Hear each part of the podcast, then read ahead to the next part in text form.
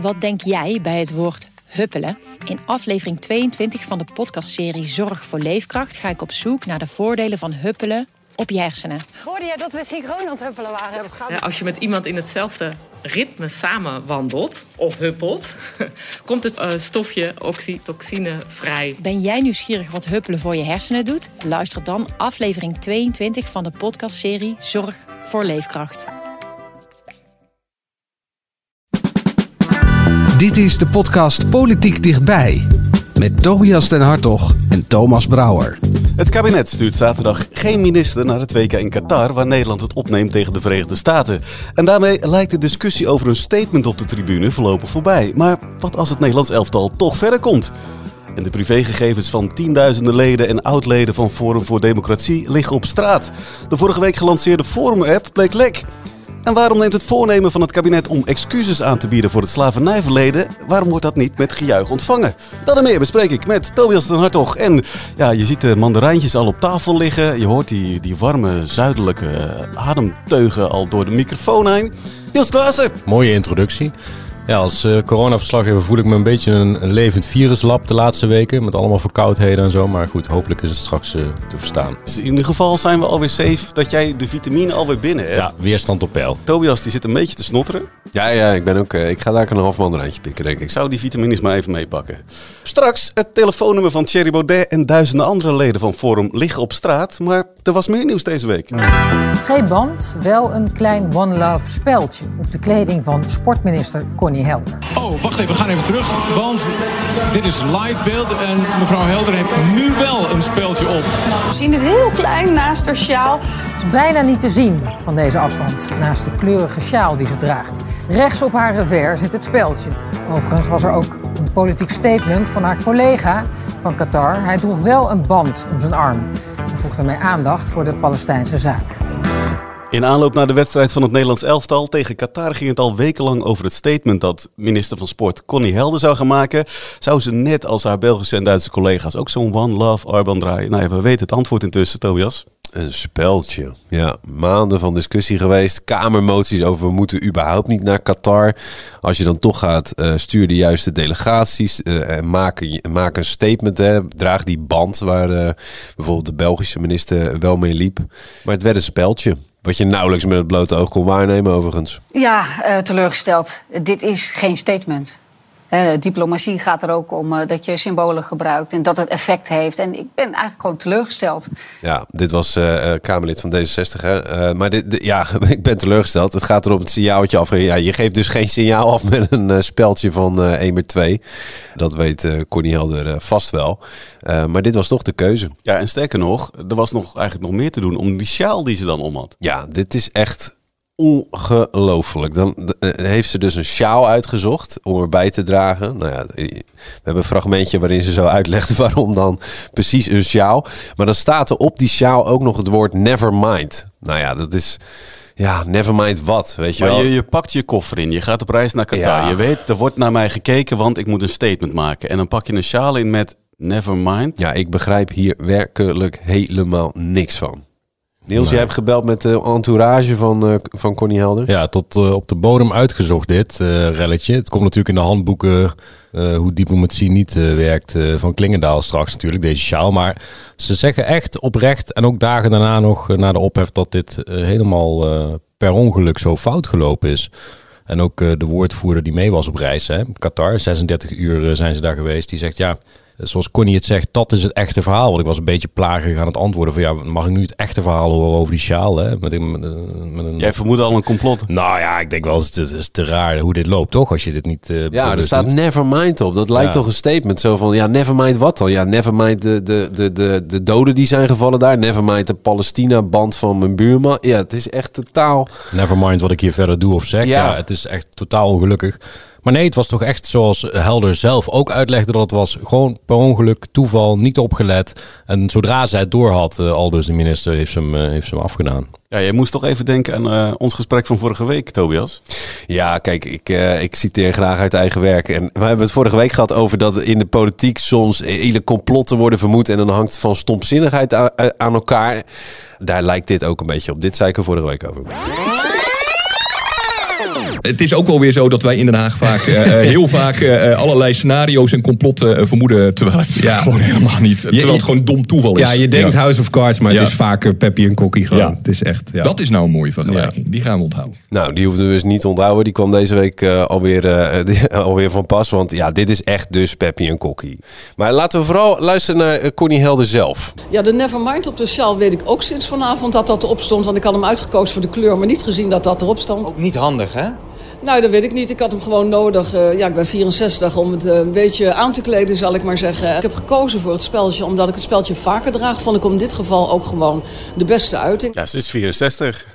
Ik denk dat het aandoenlijk eerlijk is, maar het is wel ontzettend stom. Ik snap niet dat er geen woordvoerder is of eh, niet iemand bij Buitenlandse Zaken of wat dan ook, die zeggen van, wat trek je aan? Ja, dat is een hele, hele normale vraag. Ik bedoel, de, de ministers denken daar ook over na. Als, als eh, Rutte bijvoorbeeld naar Indonesië gaat, trekt hij altijd een gebatikt eh, overhemd aan bijvoorbeeld. Eh, krijgt hij dan ook wel eens commentaar op. Maar dat is, ja, daar, daar, ja ze, ze gedragen zich dan naar de, de plek waar ze zijn en de boodschap die ze af willen geven. Ja, daar, het is niet zo gek dat ministers nadenken over eh, wat ze aandoen. Eh, ik weet, eh, er is veel gereisd naar Bali voor de G20. Nou, daar wordt ook gewoon van, vooraf wordt er gevraagd bij de ambassade van... Goh, wat is de bedoeling? Trekken we iets langs aan, iets korts aan, lange mouw, een avondjurk? is het chic of niet? Nou ja, dat is, heel, dat is heel normaal. Ik snap niet dat hier niemand, juist over dit thema op die plek... niet even heel, heel erg met Connie is gaan zitten en gezegd van... joh, nou, wat heb je eigenlijk in je tas? Ja, het is ook lelijk, want bij VWS wordt dan gezegd, eh, bij het ministerie van Volksgezondheid, ja, het was een super ehm, eh, vruchtbare reis. We hebben veel gesprekken gevoerd over arbeidsomstandigheden, over de eh, migranten die daar betere omstandigheden moeten krijgen, over de, de mensenrechten. En met maar liefst drie ministers gesproken. Ja, dat kan allemaal zo zijn. Overigens is er volgens mij nog geen LNG-gascontract mee teruggenomen, maar dat kan allemaal zo zijn. Maar als paar seconden op, dat, op die tribune die wij allemaal in ons geheugen hebben gegrift nu. Van een niet te zien speltje, een sjaal die die boodschap verbergt. Met laat ook maar en een, aan, aan je counterpart die een band draagt eh, pro-Palestina. Kijk, dat is wat we over vijf jaar nog weten. Niet dat gesprek waar geen beelden van zijn met die minister voor emancipatiezaken. Waar we ook niet zo weten wat er besproken is. Hoewel er echt wel zegt eh, haar woordvoerder, eh, gewoon resultaat geboekt is. Dat komt nog in een brief naar de Kamer. Ja, dat zal allemaal kloppen. Alleen deze momenten hebben dat gewoon verpest. Dit Ja. beeld.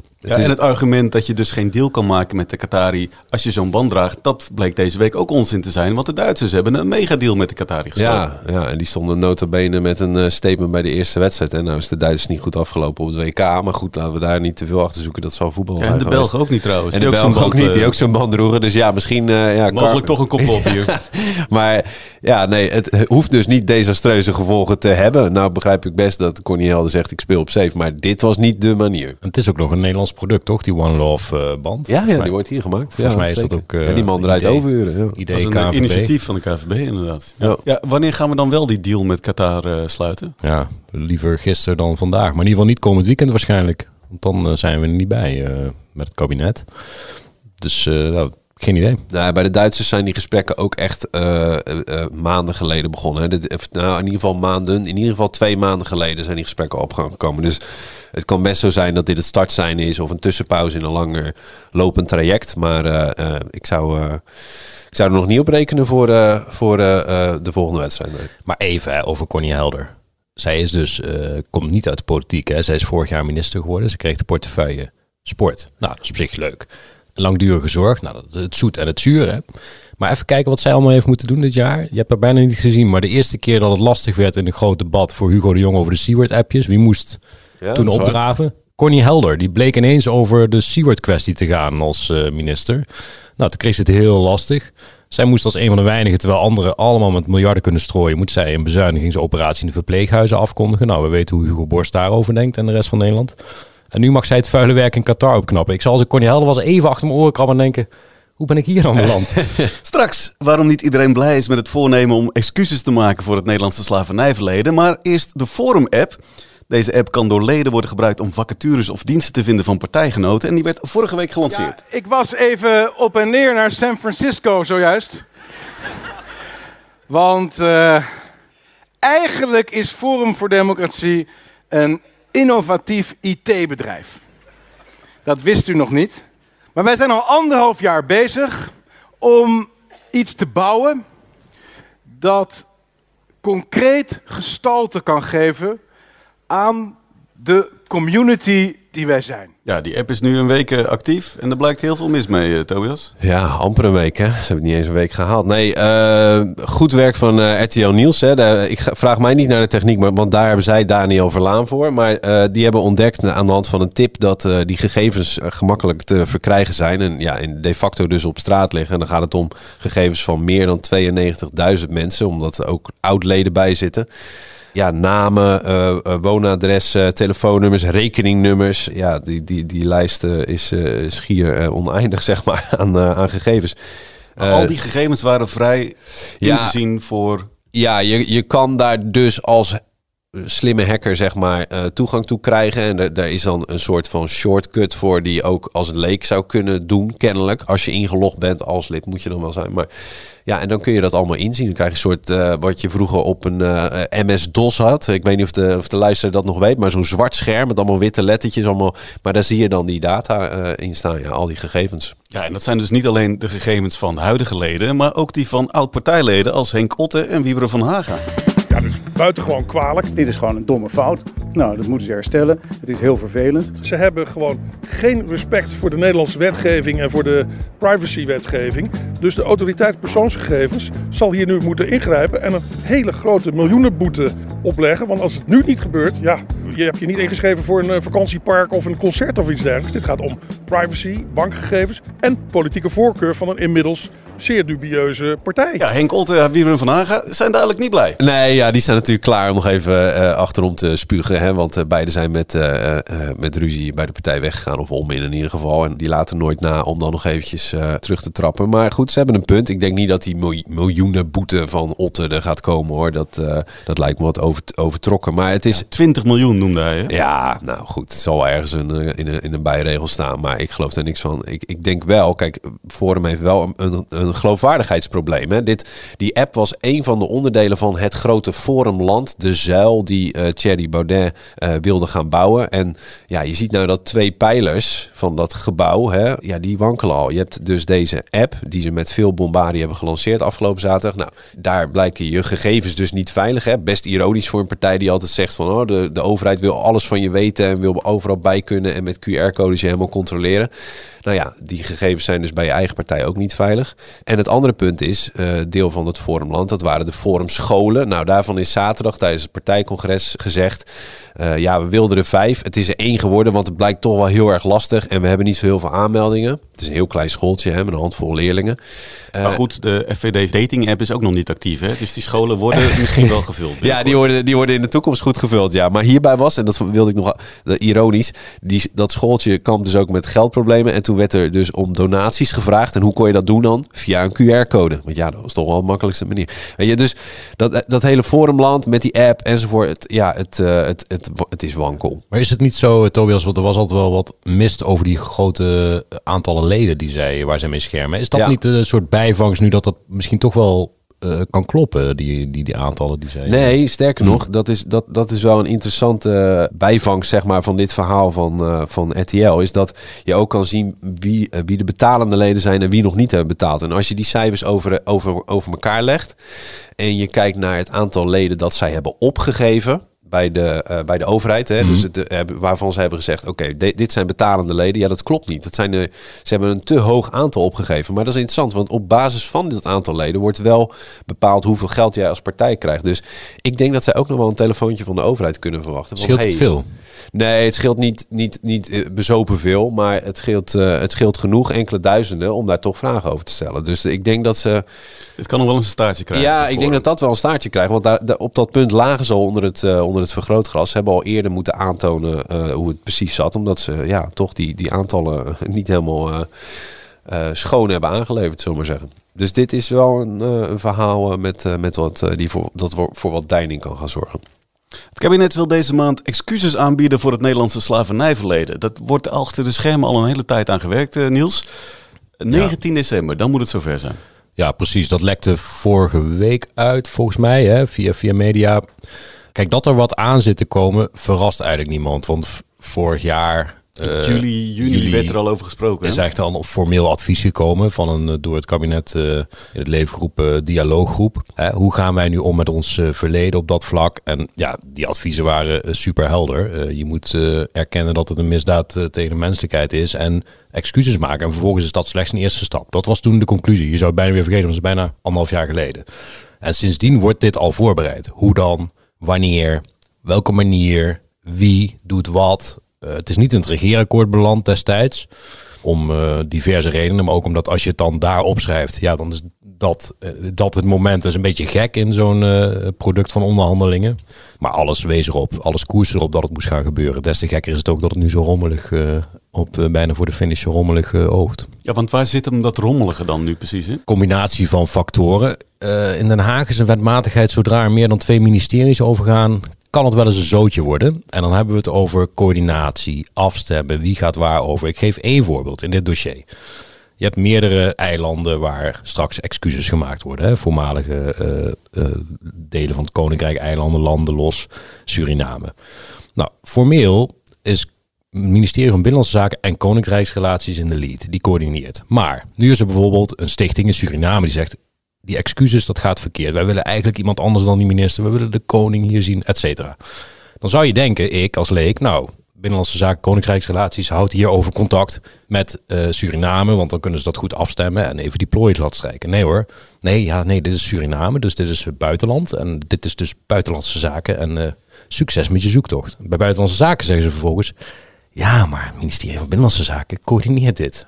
Nou ja, kastje, muur en gevolg is dat er nog steeds ruis op de lijn zit. Ruis op de lijn tussen het kabinet en dus die verschillende partijen. Daar zit ook wel veel irritatie in tussen, want die belangengroepen die zeggen, joh, waarom moet het nu opeens zo snel? Ja, maar dat is wel een beetje dubbel, want eh, dat zijn inderdaad twee eh, stichtingen eh, die dat eh, zeggen. Hè? Een haastklus en we wisten hier niet van.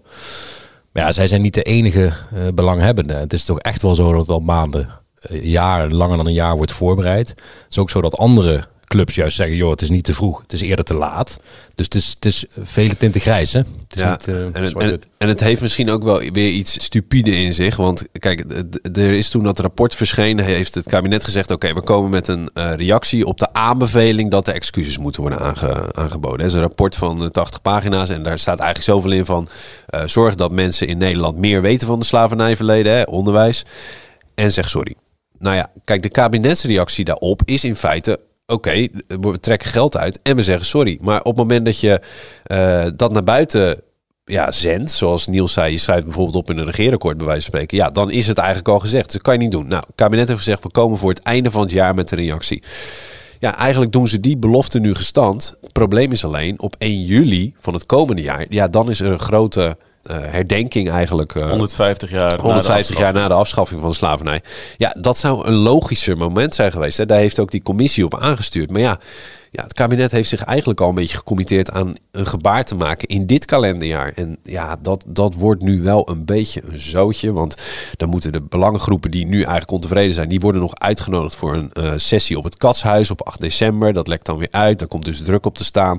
Ja, en dat is al heel kort op 19 december. Hè, want dan moet het formeel nog door de ministerraad op 16 december. En ja, dat, wordt nu gewoon een beetje een zootje eigenlijk. Ja, een zootje, ook omdat die 8 december, die dag dat het kabinet samenkomt met die belangengroepen, dat dat ook weer een datum is die niet al te handig is gekozen. Nee, dan, zijn dus de, dan worden dus de decembermoorden herdacht. Meer dan 40 jaar geleden, even uit het hoofd. En ja, dat zeggen belangenpartijen ook weer. Ja, lekker ongelukkig hebben ze daar niet over nagedacht. En dit is zo'n dossier vol van dit soort gevoeligheden. Want ook om een voorbeeld te geven. Van een afstand kun je denken, nou, volgend jaar is een herdenkingsjaar. Super logisch hè, vanuit Nederland om dan in één keer dit gebaar te maken. Maar op die eilanden is overal een andere context. Sint Maarten bijvoorbeeld, helft van het eiland is een Frans gebied, Nederlands gebied. Daar is heel veel vrevel, begreep ik, over deze aanpak van Nederland. Omdat zij daar met andere jaartallen werken. En ook de context heel erg anders was dan op de andere eilanden. Nederland eiste daar blijkbaar de slaven nog terug, terwijl het Franse deel al bevrijd was. Natuurlijk een heel eh, heftige geschiedenis. En die willen veel meer, of in ieder geval, dat kan je daaruit opmaken, veel meer maatwerk. Terwijl dit natuurlijk toch op zich gewoon met de beste bedoelingen waarschijnlijk een soort van schabloon wordt. Van nou, we doen die dag, alles in één keer, Rutte hier, zeven bewindspersonen op locatie. Maar ja, dan zie je weer dat dat niet, het ligt ook aan hoe de ontvanger hiernaar kijkt, hè, of dit eh, slaagt. En eh, nou, het is eh, trouwens Ernst Kuipers, de de coole chirurg die dan naar Sint Maarten mag. Waarschijnlijk het meest, het meest spannende bezoek in die zin, omdat daar de, daar de kritiek het grootst is. Ja, ook daarover is, is, is gedoe. Hè? Want wie, waarom gaat Ernst Kuipers naar Sint Maarten? Waarom gaat Frank Weerwind naar uh, Suriname? En waarom doet de koning niks? Nou ja, dat gaat niet ophouden tot die 19e, denk ik. Ja, en je kan tot die tijd, dat is ook het lullige. Je, je merkt het al aan Rutte de afgelopen weken. Hij kan tot die tijd niet echt iets zeggen daarover. Dus dat, dat levert een enorm ongemakkelijk gesprek op. En dan heb je bijvoorbeeld Frank Weerwind, inderdaad, die gaat naar Suriname. Maar die ging daar al naartoe. Die had eigenlijk gewoon werkbezoeken uh, aan justitie gerelateerde onderwerpen. En die gaat naar een gevangenis en naar de reclassering daar en zo. Dat, dat, dat stond al gepland. Nou gaat hij dus ook daar iets van een speech geven wat gerelateerd is aan die sorry. Maar daarvan zeggen de Surinamers, ja, wij willen niet uh, uh, Frank Weerwind, met alle respect, uh, hè, een van de nazaten van een tot slaaf gemaakte. Nee, wij willen de koning of Rutte zelf hier. Ja, het, het, het wordt alsmaar lelijker. En ondertussen kan Rutte helemaal niet toelichten wat nou eigenlijk überhaupt het plan is. Nee, hij vertelde deze week wel even hoe het nou precies zat met die koning. Staatsrechtelijk is dat kwetsbaar, omdat uh, de koning uh, symbool is van de eenheid van dit land. Die wil je niet in het politieke debat trekken. Dit is toch een onderwerp wat niet helemaal ontdaan is van controversialiteit, omdat niet iedereen het er altijd precies over eens is welke analyse je moet maken over wat er thans nodig is. Reflectief op het vraagstuk van het slavernijverleden. Uh, maar u heeft uh, de koning daar dingen over horen zeggen in de troonrede. Dus ga ervan uit dat als er iets gebeurt op 19 december, dat ik dat zelf doe. Maar dat doe ik dan namens de regering, dus koning plus ministers. en uiteraard zal de koning ook daarna weer gebruik maken van momenten waarop hij zich uit. om daar ook weer, laten we zeggen, naar te refereren. Het is apart hè, dit. Ik bedoel, hij zegt in feite met zoveel woorden: ja, dit ligt zo gevoelig, dan moet je de koning niet bij betrekken. Maar ja, we sturen wel de koning naar uh, Rusland om een biertje te drinken met Poetin. We sturen de koning misschien wel een keertje naar een uh, WK-finale in Qatar als we dat halen. En dan, als het gaat om excuses, dan is het allemaal te gevoelig. Ik vind het wel een beetje een kromme redenering hoor. En dat vinden ze denk ik Suriname ook. Ja, we hebben de, de Peppi en Kokkie al, uh, ja. al ingestart net even. Maar we zouden deze ook voor dit dossier gewoon kunnen gebruiken, die quote toch? Ja, ik denk het wel. Ik, het, ja, hoewel juist het pijnlijke hieraan is dat dit juist ja, een lange lijkt, voorbereiding ja, het lijkt geregisseerd, kon ja. hebben. En alles wees erop dat. En nou ja, maar dan komt het denk ik toch weer terug op uh, waar ik mee begon. Dat zodra er meer dan twee ministeries betrokken zijn, dat dingen gewoon lastiger worden. Media, dingen uitlekken, wij gaan vragen stellen. Ja, dan, uh, dan wordt het een nare cocktail voor de beleidsmakers. Ja, maar wat ze echt niet begrijpen op die eilanden in de Suriname is die haast. Weet je wel, waarom moet het dan nu ineens? En daar is eigenlijk nog niet een fatsoenlijk antwoord op gekomen. Behalve dus die eerdere ja, belofte die, die, die, die soort van belofte van voor het einde van het jaar. Maar ja, aan wie heb je dat beloofd? Ik heb het, nog, ik heb het niet op schrift kunnen toe, uh, uh, terugvinden hoor. Uh, en wat is het waard als, de, ja. als die excuses daarmee dus veel minder ontvankelijk... Exact, exact. En dan dat gehandels met die datum van 8 december. Kijk, ne Nederland had op zich een aardige track record. Hè. In 2011, dat is nog pre-Rutte tijdperk dus... Uh, zwart-wit televisie en zo. En er waren nog weinig auto's op straat. Hè. Toen hebben we uh, sorry gezegd voor Nederlandse, het optreden van Nederlandse militairen in Rawakade op Java. En toen hebben ze gekozen voor een datum die hier in Nederland niet zo heel veel zei, maar die daar werd gebruikt voor uh, jaarlijkse herdenkingen. Ja, dat is dan een sterk staaltje van, hè, dan zeg je sorry en dan doe je het op een manier waarbij je de, de, de ontvanger echt pleest. En dat, ja, dat lijkt nu toch echt te ontbreken. Rutte heeft daar ook wel een opvallende draai in gemaakt eigenlijk. Hè? Hij zei altijd, ja, excuses aanbieden voor iets wat zo lang geleden is gebeurd, dat heeft niet zo heel veel zin. De laatste tijd heeft hij toch al behoorlijk wat keer excuses gemaakt. Verschrikkelijk wat er uh, in Groningen in de afgelopen tien jaar is gebeurd. Ik bied daarvoor namens de regering mijn welgemene excuses aan. Bied ik vandaag namens de regering excuses aan voor het overheidshandelen van toen. Namens de Nederlandse regering diepe excuses aan de bevolking van Indonesië. Vandaag maak ik namens de Nederlandse regering excuses aan alle vrouwen en mannen van Dutchbed 3. Waarom denkt Rutte daar nu zo anders over? Excuses maken? Ja, hij heeft vaker gezegd dat hij is historicus, hè? hij heeft geschiedenis gestudeerd. Dus hij heeft vaker gezegd, je moet dingen in de, in de context van die tijd zien. En je zou kunnen zeggen dat uh, bij Groningen gewoon een fout is gemaakt. Bij Dutchbed hebben we de situatie destijds niet beoordeeld hè, zoals we hem nu uh, uh, zien. Dus hè, we wisten eigenlijk niet hoezeer we Dutchbed in de steek hebben gelaten. Maar Indonesië is misschien in die zin wel te vergelijken. En de Tweede Wereldoorlog, daar zit natuurlijk wel die, die lading op van je kijkt nu terug op iets door de bril van nu, hè, of je kijkt terug naar iets door de bril van nu. Uh, hij heeft altijd gezegd, daar heb ik moeite mee. Maar ja, uh, zijn denken is misschien toch verschoven. En ik, ik, ik, ik neem ook aan dat dat nou precies iets is waarvan uh, hij dat zou moeten toelichten. Alleen ja, omdat die 19 december zo ja, heilig is verklaard, zit je nu in een soort vacuüm waarin die toelichting ook niet komt. Ja, het wordt nu uh, plooien gladstrijken uh, door ofwel binnenlandse ofwel buitenlandse zaken uh, op Suriname op de achtergrond. Katshuis sessie zou er mogelijk nog één komen, dus één sessie schijnt al niet genoeg te zijn. Ja, en dan hopen ze maar, denk ik, in Den Haag rond het Binnenhof dat het gewoon goed gaat landen. Uh, voor geslaagde excuses heb je twee kanten nodig. Je moet de boodschapper en de ontvanger moeten beide senang zijn bij deze uh, excuses. De manier waarop ze moeten oprecht zijn, ze moeten goed ontvangen worden. Ja, dat is echt de vraag of dat gaat lukken op die dag. Als we dan kijken naar volgende week, jongens. Kwartfinale misschien, hè? Gaan we daar uh, een, wel een statement het, krijgen? Zou het, zou het. Nou ja, kijk, als je dus wint van Amerika, dan kom je in het speelschema Dit tegen gaat Argentinië. over voetbal, hè? mensen. Voor de, Ja, dus voetbal, de hardcore politieke luisteraar die dat niet weet. Het WK voetbal. Ja, we spelen dus tegen Amerika, wat op zich interessant is. Hè?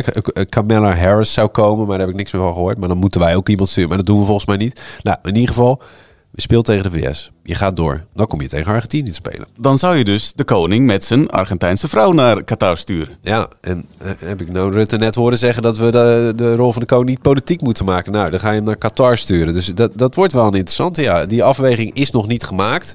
Maar daar wordt, hè, hoor je dan formeel. Maar er wordt wel over nagedacht natuurlijk. Ja. En dan zullen ze het hoofd over breken, want dat is geen gemakkelijke.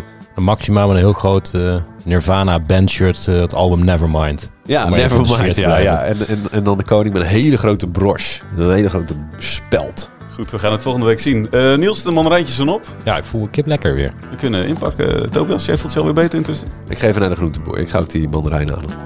Tot zover deze aflevering. Vind je dit nou een leuke podcast? Abonneer je dan. Dat kan via Spotify of Apple Podcast. En volgende week, dan zijn we er weer. Tot dan.